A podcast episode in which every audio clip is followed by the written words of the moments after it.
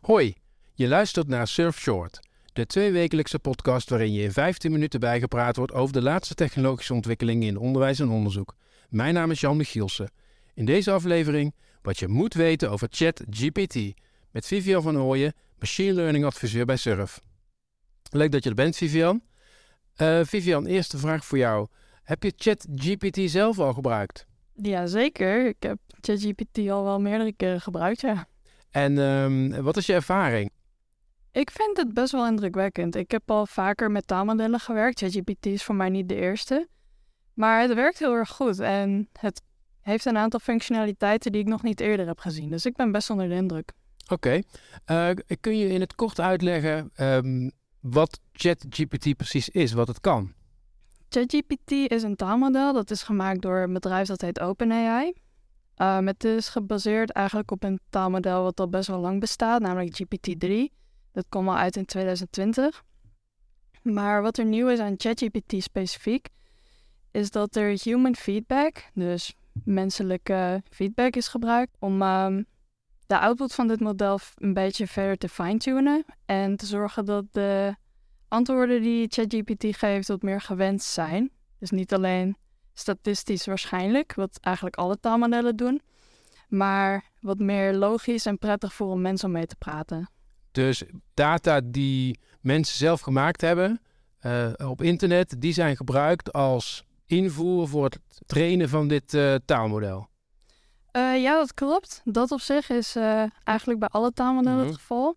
Wat er hier speciaal is aan ChatGPT, dus de Reinforcement Learning from Human Feedback deel, is dat ook door mensen is gerangschikt welke antwoorden van het taalmodel het meest gewenst zijn of de beste antwoorden zijn.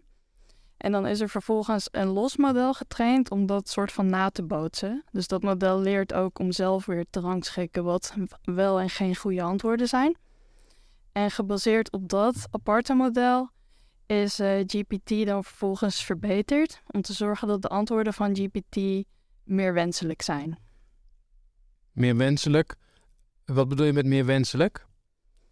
Dat het niet alleen statistisch waarschijnlijk is dat dit de uh, tekst is die gegenereerd wordt. Dat is eigenlijk wat alle taalmodellen doen. Die zien heel veel tekst en die modelleren een beetje welke woorden vaak bij welke andere woorden voorkomen. Maar hier wordt ook echt specifiek geleerd wat een mens een goed antwoord vindt. Duidelijk. Um, wat hebben we aan ChatGPT? Volgens mij best wel veel. Wat uh, een paar concrete voorbeelden die ik bijvoorbeeld ook zelf al heb toegepast, is het kan je helpen met het creëren van um, allerlei soorten teksten, dus content creation. Zo heb ik laatst bijvoorbeeld een blogpost geschreven over een project dat ik heb gedaan binnen Surf. En ik heb daarvoor ook aan ChatGPT gevraagd om een beetje feedback te geven. En het heeft me daadwerkelijk wat goede verbeterpunten teruggegeven. Dus het heeft mij geholpen om een tekst te schrijven. Het kan je ook concepten uitleggen. Je kan een ChatGPT vragen, kan je me bijvoorbeeld een wetenschappelijk iets uitleggen. Ik heb het voor de grap wel eens gevraagd om um, qubits van quantum computing uit te leggen. En dat kun je dan ook specifiek op verschillende niveaus doen. Dus je kan een ChatGPT vragen: leg me dit uit alsof ik vijf ben. Leg me dit uit alsof ik een student ben. En dan past hij ook echt de moeilijkheid aan van zijn uitleg. Dat vind ik zelf best wel cool en heel handig. Het kan je helpen teksten te vertalen. Het spreekt niet alleen Engels, maar je kan ook um, bijvoorbeeld Nederlands praten met ChatGPT. En je kan ook vertalen tussen de twee. Dat kan heel handig zijn. Het kan je ook helpen met code schrijven. Ik moet bijvoorbeeld binnen mijn baan veel uh, code schrijven, veel modellen implementeren en trainen. En ChatGPT kan dat ook een beetje. Die kan je ook helpen met debuggen. En tegenwoordig wordt het zelfs gebruikt door Bing. Dus in plaats van dat je een lijst van resultaten van sites terugkrijgt, vat het eigenlijk een beetje de resultaten samen en krijg je gewoon één coherente tekst terug. In plaats van dat je dan nog zelf moet gaan zoeken. Dus er zijn best wel veel dingen waarvoor je het kan toepassen. Dat klinkt allemaal heel indrukwekkend. Maar is er ook kritiek op ChatGPT? Uh, ja, er is ook kritiek, namelijk um, wat ethische kwesties. Bijvoorbeeld, het kost heel veel energie om zulke modellen te trainen. Het is gewoon heel erg intens op computationeel gebied. Je moet heel veel berekeningen maken en dat ehm, stoot ontzettend veel CO2 uit. Dat is één probleem wat er uh, mee te maken heeft.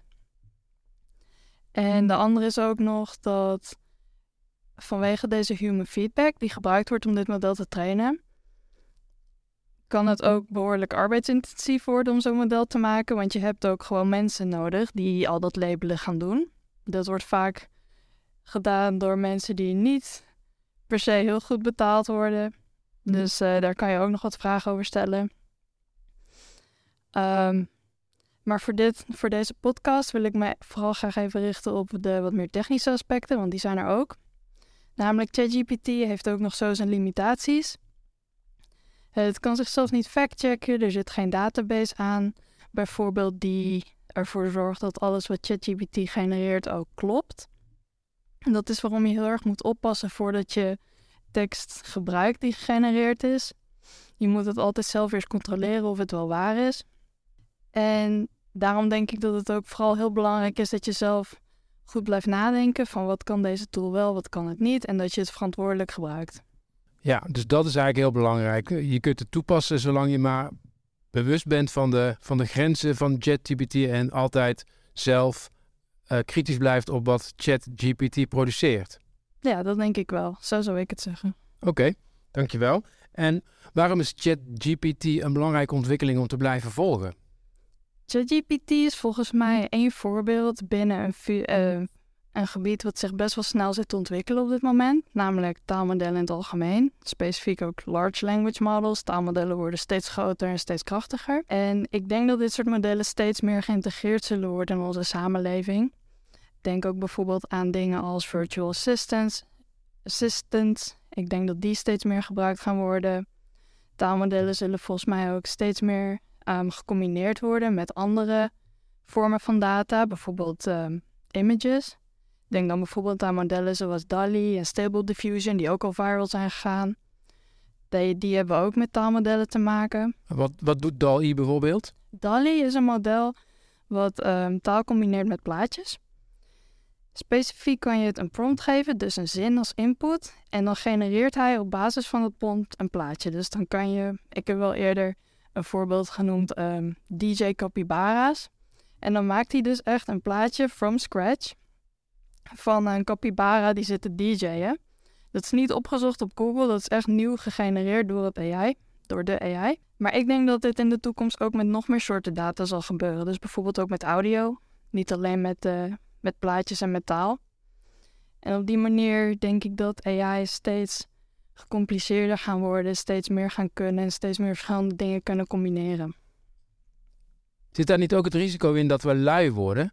Dat we niet meer zelf dingen op internet gaan opzoeken, maar alles aan een, een, een chatbot vragen en uh, te makkelijk iets opschrijven wat misschien wel helemaal niet waar is, omdat uh, ChatGPT het ons voorschotelt? Dan kom je toch weer, denk ik, terug op hetzelfde punt. Je moet er verantwoordelijk mee om blijven gaan. Um, je moet je inderdaad wel echt bewust blijven van wat kan deze AI, wat kan het niet. Ik denk dat dat ook wel steeds meer zal gaan veranderen in de toekomst. Misschien over een paar jaar zal zo'n ChatGPT wel echt gecombineerd worden met een database die wel echt feiten ook kan checken. Maar dit zijn dingen waar je van bewust moet zijn. Waar je, waar je van bewust moet zijn. Wat kan het wel, wat kan het niet, waar moet ik op blijven letten? En ik denk dus ook dat het heel belangrijk is, steeds belangrijker naarmate dat we meer AI toepassen in onze samenleving om mensen hierover te onderwijzen, zodat iedereen hier eigenlijk goed mee kan omgaan. En dan denk ik niet dat het per se slecht is dat we, zoals je zegt, steeds meer lui worden, omdat dit soort, nou ja, revolutie om het even zo te noemen, dat is wel eerder gebeurd. Bijvoorbeeld ook computers hebben heel veel taken van ons overgenomen. En dan kun je ook zeggen, zijn we dan niet lui geworden dat we niet al deze dingen nog zelf met de hand doen? Ik denk van niet. Ik denk dat het ons leven gewoon veel efficiënter maakt. Oké, dan heb ik nog een laatste vraag voor je. Wat is het beste artikel of uh, podcast dat je over ChatGPT recent nog geluisterd of gelezen hebt? Uh, mag ik er een paar noemen? Ja, dat mag. Um, nou ja, ik heb net ook al heel even kort genoemd dat Bing nu ook bezig is om ChatGPT te gaan gebruiken. Dat vind ik zelf best een interessante ontwikkeling om te volgen. Kijken hoe dat gaat en wat er allemaal misgaat en hoe dat wordt opgelost. Um, daar heb ik niet één specifiek artikel, maar dat in de gaten houden vind ik een goede aanrader. En daarnaast misschien ook uh, een video die gisteren is uitgebracht door een YouTube-channel. Dat heet AI Coffee Break. En de video heet Why ChatGPT Fails. Dat legt heel erg goed uit wat de limitaties zijn van dit model. En waar je dus op moet letten, wat we net hebben besproken. Ik denk dat dit een hele goede video is die dit vrij laagdrempelig en vrij kort uitlegt, zodat je zelf ook wat verantwoordelijker met dit model kan omgaan. En dan, um, als je nog geïnteresseerd bent in wat tegengeluid, dus misschien iemand die net iets minder hyped is over dit model, dan uh, heeft Iris van Roy een tijdje geleden, volgens mij vorige maand, een artikel uitgebracht. Dat heet Stop Feeding the Hype and Start Resisting. En zij legt dan een beetje uit waarom zij uh, niet zo onder de indruk is van deze ontwikkeling. Dus dat is ook nog wel een aanrader om te lezen als je een ander perspectief wil horen, denk ik.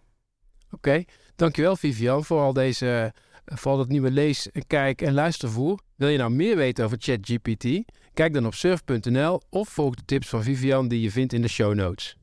Dit is een productie van Surf, de samenwerkingsorganisatie op het gebied van digitalisering in onderwijs en onderzoek in Nederland. Deze podcast werd gemaakt door Marieke van Dijk, Jan Michielsen en Sanne Koenen.